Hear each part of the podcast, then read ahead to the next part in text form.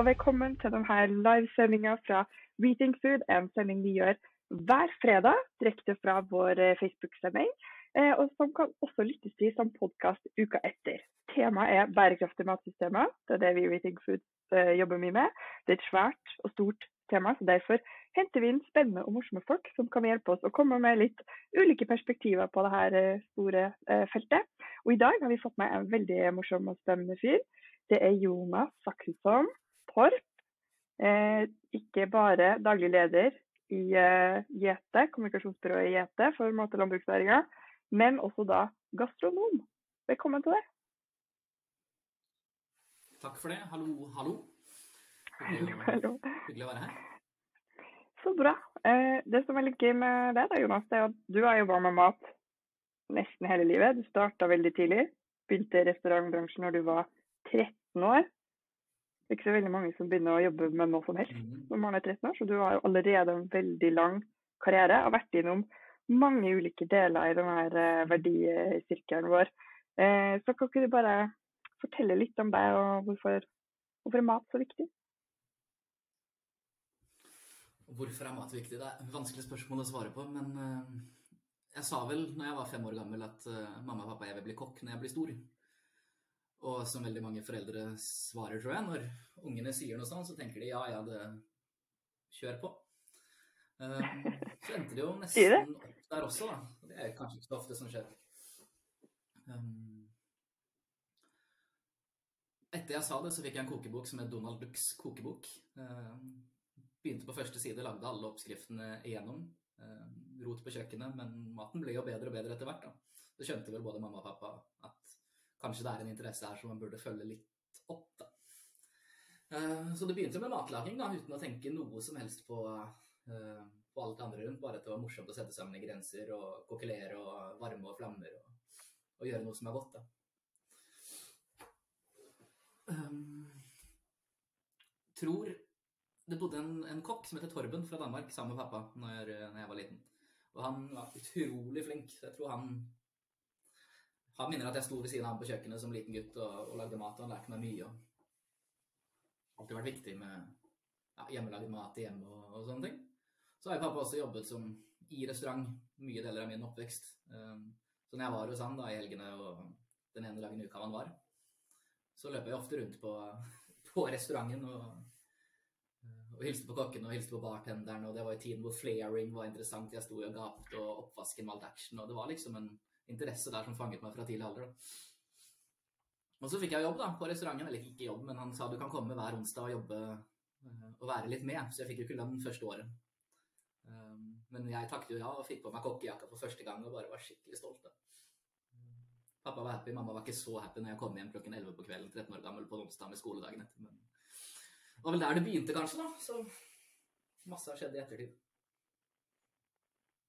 Det, er, det er litt tidlig å starte arbeidslivet som 13 år, eh, eller det, i hvert fall er det det nå. Men det er tydelig at du hadde mye mat rundt det da, fra, fra starten av.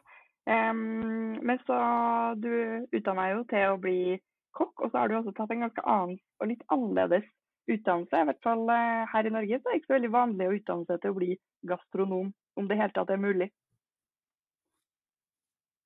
Nei, det er ikke mulig i Norge, altså. Det, jeg skal ikke fordele hele livshistorien, men eh, jeg gikk kokkelinja. Som er en historie for seg selv. Det var meg og en til som søkte oss inn fordi vi ville bli kokk. Og så var det jo da 17-18 andre som endte opp der fordi de ikke endte opp så mange andre steder. Eh, Så det er et problem vi kan snakke om kanskje litt senere òg. tok påbygg. Ble litt sånn matleie etter hvert. Da Da hadde jeg allerede holdt på med mat i noen år, og det er rart å si når man da var 18-19. Uh, Flytta til Bergen og skulle begynne på NHH, da, for det var jo lurt. Sier jo familie og venner og sånne ting. Ja. Mangla matte.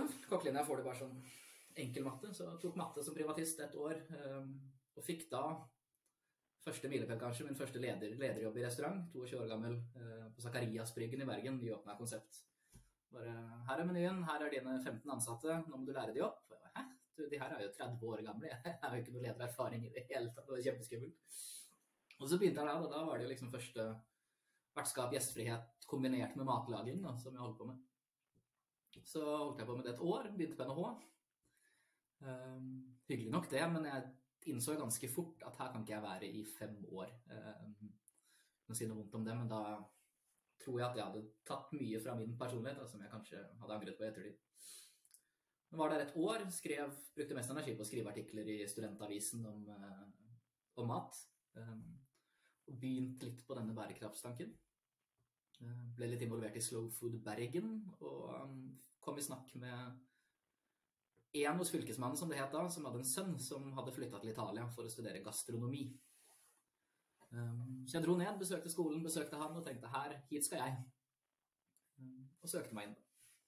Flyttet til Italia, bodde der i fire år og tok da en bachelorutdannelse i gastronomi. Høres kanskje litt flømmete ut, men bærekraftig mat- og drikkeproduksjon er vel kanskje det som oppsummerer det mest. Um, man er ikke den som spiser på stjernerestauranter og smaker på sausen og teoretisk utdannelse innen alt innen mat, egentlig, med en bærekraftig, holistisk, for å bruke det beste tilnærming til det. Jeg synes Det høres eh, helt eh, nydelig ut. Jeg lurer på når kan, eh, når kan jeg dra med? Er det bare, bare å melde seg på, så vi andre også kan få en bachelor i gastronomi? Du sier jo at jeg lærer noe om. Ja, så det er mulig å ta etterutdanning? Så det var en del i Norge som gikk på det. ja. Mm. Men det er jo da læren av, eller som du forklarer, da, læren om bærekraftig eh, produksjon av mat og drikke. Er det, eh, er det da et liksom italiensk perspektiv på det, eller følte du at eh, det passa også ganske bra inn eh, fra det inntrykket du hadde i Norge? Noe Det var litt mer perspektiv på Italia, men eh, vi var 80 stykker i klassen, og vi var vel 45, tror jeg, som kom fra utenfor Italia. Eh, Nord-Amerika, Sør-Amerika, Asia, hele, alle verdensdeler egentlig var representert. Eh, og alle hadde jo på en måte en liten fot innenfor gastronomi eller mat fra før av. Så du fikk utrolig mange perspektiver i en veldig liten klasse, da. Som var komplette motsetningen fra NHO i Bergen, syns jeg. Eh, og kanskje det kuleste med den utdannelsen var jo alle de studieturene som var inkludert. Fikk vi en liste på syv-åtte land, og så kunne du velge hvor vil du reise. Da. Så jeg endte opp med å dra til Uruguay, Sør-Amerika. Jeg var i Colorado i USA, i Spania, Frankrike, Polen, nesten alle regioner i Italia. Eh, I ti dager. Eh, og da våknet vi, spiste frokost, besøkte tre, fire, fem bønder, matprodusenter, restauratører eh, som holdt på med noe de syntes var lidenskapelig i de forskjellige landene. Så masse, masse perspektiver fra hele verden, vil jeg si, man satt igjen med etter etter den utdannelsen. Hva på en måte, Når du besøkte alle de landene og sett på så mange måter, antar jeg, eh, at, eh, at, man produserer mat med. hva var det liksom du satt igjen med av, eh, av inntrykk? Er det, er det, har vi et matsystem som er fullstendig i krise, eller, eh, eller er det egentlig litt sånn tweaking som må til? Ja og nei, da. Det var litt sånn toside. For vi besøkte jo alle disse lidenskapelige menneskene som virkelig brenner for det de holder på med. Og da får man jo håp, ikke sant? uavhengig om det er en uh, storforbonde i Uruguay eller en osteprodusent i Sør-Frankrike eller, eller, hva det skal være. da. Så finner du så mye lidenskap og ektefølt kjærlighet da, for, for gastronomiens verden. Men alle har jo sitt å si om den type globale matindustrien. da. Og utfordringene går ikke igjen da, hos alle sammen. Så det er jo alle er bekymret for hvilken retning det går. Men så er det samtidig så mange mennesker som har så mye glede å gi, da. Så det er på en måte mye positivitet, men samtidig mye negativitet. Og det her, det, det, når du ser til Ja, nei, altså, jeg kjenner jo Det er jo det samme, mye av det samme vi opplever her i, i Norge også. At det er eh, Man har jo en del kvaliteter eh, som gjør at man kommer godt ut av det. Men så så er det jo det at man er utrolig pressa økonomisk som gjør at det er vanskelig å, å investere videre. Um, så den er spenninga da, i at uh, man skal gjøre alt riktig, men har vi egentlig lagt opp og gjort det rette for at bonden kan gjøre alt riktig når ting skal være så utrolig pressa på pris hele tida? Og var det også noen ting som dere snakka om i studiet, at uh, hvis alt skal være sånn bitte lite og, og småskala og og har liksom alle de unike kvalitetene. Hvordan får vi produsert nok mat til alle hvis, det, hvis, ting skal være så spesielt hele tiden? Ja, det er det som man har i hvert fall reflektert mye av i ettertid. Da. Det er klart Man levde jo en boble, boble der nede, og vi var jo på en måte litt enige om, om hva vi sto for, hele gjengen. Jeg husker spesielt når vi var på um, um, verdensmessen, hva heter det for noe igjen, uh, i, Milano, World Fair. Og vi gikk da, uh, masse alumni og alle klassene i protestmarsj. Så var jo McDonald's hadde jo en restaurant der inne, og alle bare buet samtidig. Så det var jo veldig konformativt, det også, men en veldig morsom opplevelse. Men så er det det, man kan jo ikke gå helt til hest- og kjerrefilosofien heller, da. Det er jo Småskalaprodusentene har jo sin plass, men det virker som en del tenker at det skal være løsningen på alle. Så er det jo helt motsatt side, da, hvor de mener at det ikke har en plass i det hele tatt. Så jeg tror jo Det må jo en kombinasjon til, da. Vi har jo produsert mat nå i 10 000 år fra vi startet cirka og frem til nå, så det er jo mye kunnskap der som vi må ta med oss videre, selvfølgelig. Men så er det også ekstremt mye teknologi som kan hjelpe oss, da. Jeg tror at veldig mange som vil ha det på gamlemåten, er litt redd for framtiden. Og jeg tror veldig mange som bare vil ha framtiden, er litt redd for gamlemåten. Det er en ting jeg fikk, eller, jeg fikk tilsendt nå, det var en kronikk i, i Aftenposten, eh, hvor de omtalte her nye eh, Nutri-score, hvor de franskmennene har da prøvd å klassifisere hva som er sunn mat, basert på en eller annen sånn algoritme. Eh, hvor eh, det putta inn den algoritmen at eh, eh, hvis det er høyt med fiberinnhold og, og vitaminer og alle mulige sånne ting, så får det tommel opp. Og hvis det ikke har det, så får det tommel ned. Men så er jo ikke verden satt sammen eh, så enkelt. Det, jo, eh, det finnes jo både sunt og usunt fett. Eh, det er jo mer til maten enn bare liksom, akkurat næringsstoffene. Det er jo også smak, og det er kultur.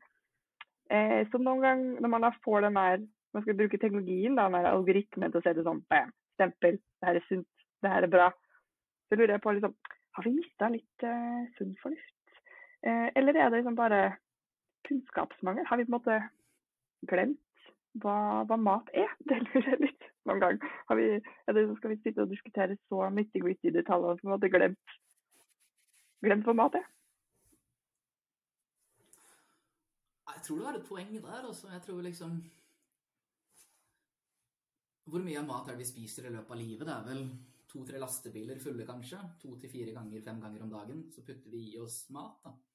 Så alle har jo et slags forhold til det.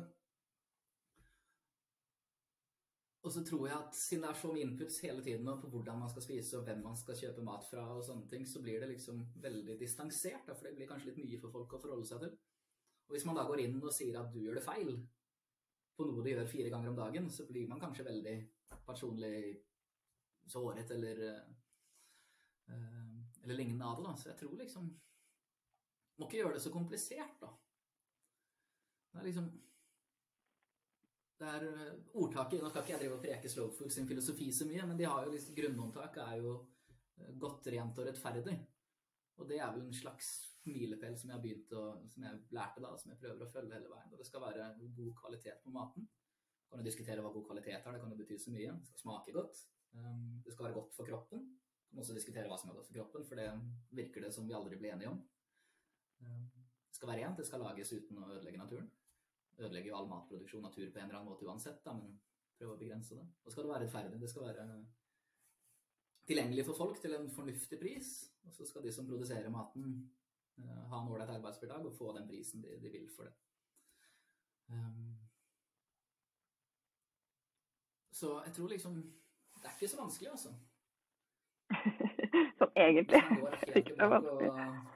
Sånn egentlig. Mm. Um, ja, for da er vi litt uh, inne på det her med ja, ja, ja. Det er lov å hente det opp igjen. Eh, men da er vi litt inne på det her med kommunikasjon. da. At når man skal gjøre det så komplisert, og som du sier, det er jo egentlig ikke så vanskelig. Må bare gjøre det på den rette måten. Eh, men det er det jo, For du har jo nå eh, fått en ny jobb, gratulerer med det. Du har blitt eh, daglig leder i, eh, i GT, kommunikasjonsbyrået som skal jobbe nettopp mot eh, mat og landbruk. Og det er jo det her fordi man tror at kommunikasjon kan være med, da, være et verktøy. Ikke bare fordi man skal liksom, gjøre markedsføring og, og, og spille opp av, men faktisk at kommunikasjon også er et viktig verktøy eh, om vi skal lykkes med en, med en omstilling.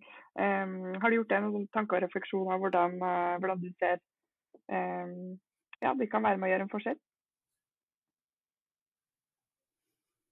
Absolutt. Det, jeg tror at når man har jobbet i restaurant så lenge, da, spesielt på gulvet, så har man jo på en måte drevet med kommunikasjonsarbeid, men på en annen måte da, over lang tid. Og du har drevet med matformidling og, og slike ting. Um, jeg tror at den dialogen man har én til én med gjestene, er en veldig fin plattform å bruke som Kanskje noen bruker for mye, og noen bruker for lite. Um, og igjen, jeg har hatt en del Vin er en stor lidenskap. Jeg har hatt masse vinkurs opp igjennom for store og små grupper. Og når du har et foredrag eller et kurs med noe du genuint brenner for, da, så kjenner du på den atmosfæren i rommet, så er det noe som, som skjer. da. Hos de du, du, snakker med, for flesteparten kan jo ikke så mye om vin fra før av, men så forteller du da med en lidenskapelighet, og så merker du shit, du har jo liksom Du vekker en interesse. Og den tingen der jeg er viktig, altså. Gjør det liksom og enkelt. Prøv å forklare det så enkelt som mulig. Med en genuin interesse, så, så kommer man langt. Så det har blitt litt, eh, jo... kanskje litt for mm. Sorry, har vi litt uh, legg på internett her. Men uh, har det blitt litt, litt for mye detaljer og litt for mye sånn krangling om sånn enkelheter, og så har vi måtte, glemt å fortelle den overordna historien, på en måte. Vi, vi, må ha mat, og den må produseres på, bra, på en bra måte. Og ellers all good, happy times. Ja, det er jo nesten det det bunner. Da. Men så driver folk og skal diskutere de to punktene så ekstremt mye. Da. Hva er mat egentlig? Og hva er ren produksjon? Um, så tror jeg også det at jeg har jo Prøver jo å lære meg å ha vært interessert i landbruk lenge, men for menigmann i gata da, følge med på alle uttrykkene som brukes, og jordbruksforhandlingene i Norge og hvorfor er det så dyr mat i butikken, og skylder vi på bøndene, eller skylder vi på de, eller Det er jo ganske vanskelig for, for vanlige folk å, å, henge med da, på diskusjonen. Så tror jeg også at eh, livet til bonden, da, den er ganske virkelighetsfjern for veldig, veldig mange.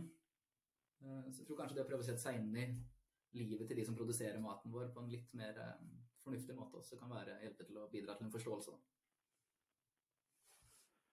Ja, nei, Den eh, avstanden der har jo blitt eh, enorm. Eh, og det, det, er jo Folk har jo nok med seg sjøl og tenker på seg og sitt. Eh, men, et spørsmål, eh, for du har jobba i restaurant veldig lenge. Hvordan er det kokkene og kjøkkensjefene? Har de, har de, er det vanlig at de har noe tilknytning til eh, produsenter, eller lever de også liksom helt separat? har de noe forhold til hvordan maten produseres? Er det kun for spesielt interesserte, eller vil du si at de fleste kokker liksom, tar en telefon til, til bonden og lurer på hvor det her, hvordan det her kjøttet er blitt produsert, eller kornet er blitt produsert. Det, har du noe inntrykk av det når du, i de restaurantene du har jobba? Tror vi Det første eh, frøet tror jeg ble sådd i 2004. Eh, når Klaus Maier eh, inviterte da ti av Nordens beste kokker for å skrive The Nordic Food Manifesto. Ehm, og da så du et skifte som begynte sakte, men har vokst og vokst, fra at kaviar og foie gras og franske delikatessepoteter og sånn på vei ut fra menyene. Og inn så setter man et mer fokus på, på det som fins i området, da. Og økningen vi har sett i Norge, spesielt innen ost og spekemat og sider og egentlig veldig mange forskjellige områder, har jo bare økt og økt og økt.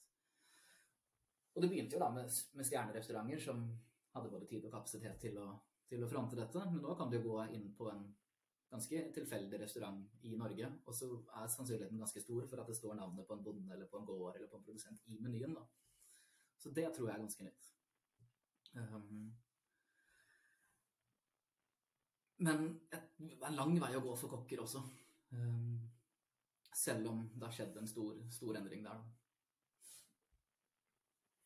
Du, du, sa jo litt innledningsvis at du var en av to som faktisk hadde søkt seg til kokkelinja.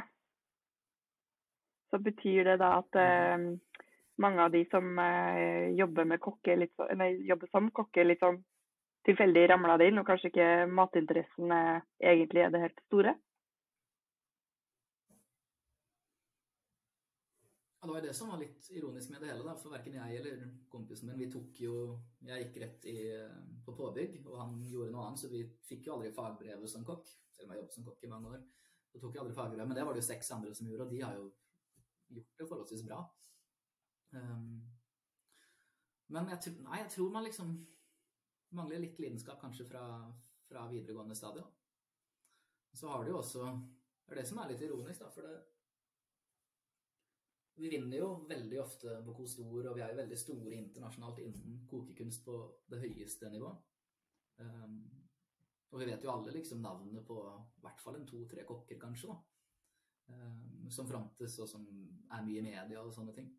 Så det er en vanskelig diskusjon det der, altså hvordan skal vi få flere inn i dette yrket, da. Bare si også at liksom når, når jeg flyttet tilbake fra Italia uh, så ble jeg med der i en liten vinbar i Bergen med den her boblen i hodet mitt fortsatt, og begynte da å og vi hadde masse kvalitetsost og spekemat på menyen fra før av, men begynte å se liksom hva i Norge fins. da. Og vi tok inn uh, Føniks fra Stavanger Ysteri, som var forholdsvis nytt, og vi tok inn spekematen til Askår, som var helt nyoppstarta.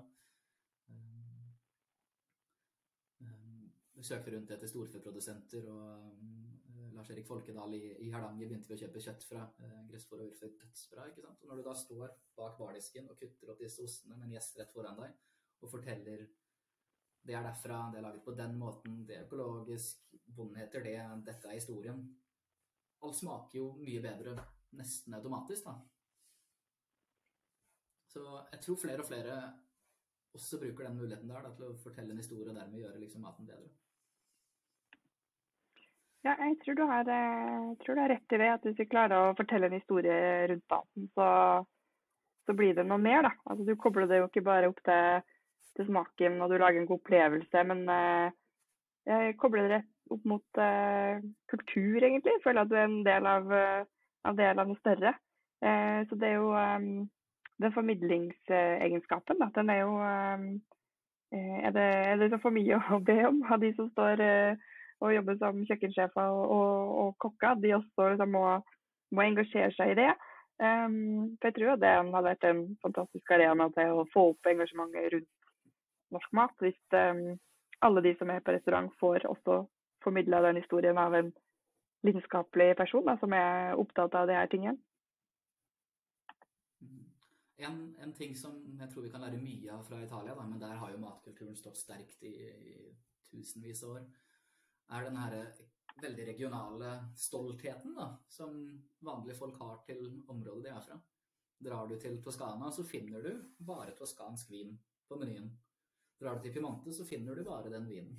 Um, I all hovedsak, og det finnes jo selvfølgelig unntak, men i Pimante hvor jeg bodde, alle restaurantene hadde jo nesten samme meny. Fordi de var så stolt av hva Pimante produserte, da. Um, vi hadde jeg hadde en by kvarter unna, Cervo, og de hadde en purreløk. Så Porro di Cervo, det var en stor ting da, som hele den lille byen var kjempestolt av. Vi har skikkelig bra purreløk. Og det visste jo alle som bodde i den byen, visste at nei, i hele Italia, eller i hvert fall i hele Piemonte, da, så er vi, vi er kjent for purreløken vår. Det har vi ikke helt i Norge ennå, men det er jo kanskje litt på vei da, med Rørosmat og Trøndermat og alle disse klyngene som vokser opp da, for å liksom bygge mer en regional tilhørighet til, til produktene. da. Der har Italia vært veldig flinke, syns jeg. Hasselnøttfestival, sneglefestival, gresskarfestival. Det var jo festivaler på hver eneste ingrediens, ikke sant? Kult. Ja, det, Der har vi absolutt uh, noen ting å lære. Nå er vi jo et land uh, kaldt mot uh, nord, så det, jo, det er jo liksom grenser hvor mye vi kan produsere sjøl. Vi importerer jo, importerer jo nær 60 selv om det er en del vi absolutt kan, kan produsere. Eh, men er det sånn, eh, det å nå importere biff fra Argentina, er det litt sånn flaut i restaurantbransjen? Eller, eh, eller, eller er det litt sånn vi må ha den beste biffen? Det, jeg håper vi på en måte kan komme dit da, at sånn, du importerer ikke Kobe-biff fra Japan. Det er litt sånn flaut å gjøre det, fordi vi har så bra mat her i Norge. Mm -hmm. ja, det, vi, liten uh, historie der. Jeg var jo i Uruguay på, på syretur, og de er jo en stor, stor storfeprodusent. Uh, landet er vel egentlig perfekt for å holde på med storfe sånn geografisk, syns man. Det bor veldig få mennesker, alle bor langs kysten, og oppover i landet så er det da bare storfeprodusent. Og de har i snitt, eller lovpålagt, to hektar per, per ku. Eh, kalvene går seg med moren hele livet. Eh, de spiser kun gress hele tiden. Det brukes ikke noe antibiotika, ikke noe, ingen innsatsmidler i det hele tatt. Alt vannet de drikker skal finnes naturlig på eiendommen. En del slakterier, så det er ikke sånn fryktelig store avstander. Så da er jo liksom en morsom ting å diskutere. Da skal man importere masse kraftfôr fra Brasil som norske kuer skal spise? Eller skal man da importere en liten biff fra Uruguay som man vet på en måte er produsert på en ordentlig måte? Nå finnes det jo ikke nok biff i Uruguay til å fø hele verden heller, da, men jeg tror det er viktig for oss som driver med kommunikasjon, at det er ingen harde sannheter. Um, med unntak, da. Men nå sporet jeg litt av. Jeg syns absolutt at eh, Eller jeg tror absolutt at de fleste restauranter i Norge har et fokus på spesielt kjøtt, da. Så er det ofte det som det fra Norge som brukes. Med mindre du kanskje er en veldig spesifikk biffrestaurant. En restaurant i Sverige som har de masse forskjellige gårder i Sverige. Du kan velge mellom forskjellige raser og forskjellige mørningsgrader på biffen. Men så har de også USA og Spania og Japan, men de er jo en helt annen nisje igjen. Ja, det er gøy. Hvis uh, vi kunne fått til litt flere sånne konsepter, så lurer jeg jo veldig på da, hvilken uh, norsk region blir purreløkregionen? Jeg tror vi kan produsere purreløk her i Norge òg, men det har vært en nesten litt usikker, men jeg tror det, at vi gjør det. Kanskje litt lenger, litt lenger syd. Så det, det, det er oppfordringa vår uh, i dag til, til de purreløkprodusentene om å kapre stedet hvor det blir purreløkfestival. Men se, Hardanger har jo kommet ganske langt på sideren sin. De har jo en siderfestival, og alle i Hardanger vet jo at her lages det sider. Um, på Jæren så er man jo veldig stolt over landet sitt, f.eks. Så det er jo en del som begynner å, begynner å få liksom, stolthet, da. Hvis man sitter og tenker at uh, man har lyst til å bli purreløkbygda eller, uh, eller et eller annet, så er det altså da bare å ta kontakt uh, med deg, Jonas. Så skal du hjelpe til med det lage festival og fest og moro. Eh, og få mat eh, høyere opp på agendaen. Invitere alle de flinke kokkene over hele landet. Og, og, bli med på festen om at her må vi fortelle, vise fram det bra eh, som foregår. Og være med å formidle denne historien. Det hadde vært noe. Det hadde vært skikkelig morsomt. Ja, jeg håper vi at noen, eh, noen tar uh, oppfordringa. Eh, jeg tror vi setter strek for samtalen vår der. Det var veldig hyggelig at du ble med, Jonas. Så skal vi fortsette å diskutere hva, hva et bærekraftig matsystem egentlig er. Om, om, hva som er Ja, jeg tror du har rett. Vi, nok, det finnes ikke noen sånn harde fasiter, men vi må ta, ta valg og vurderinger underveis absolutt. Jeg gleder meg til å fortsette samtalen. Så eh, snakkes vi på. Vi gjør det. Ha det godt.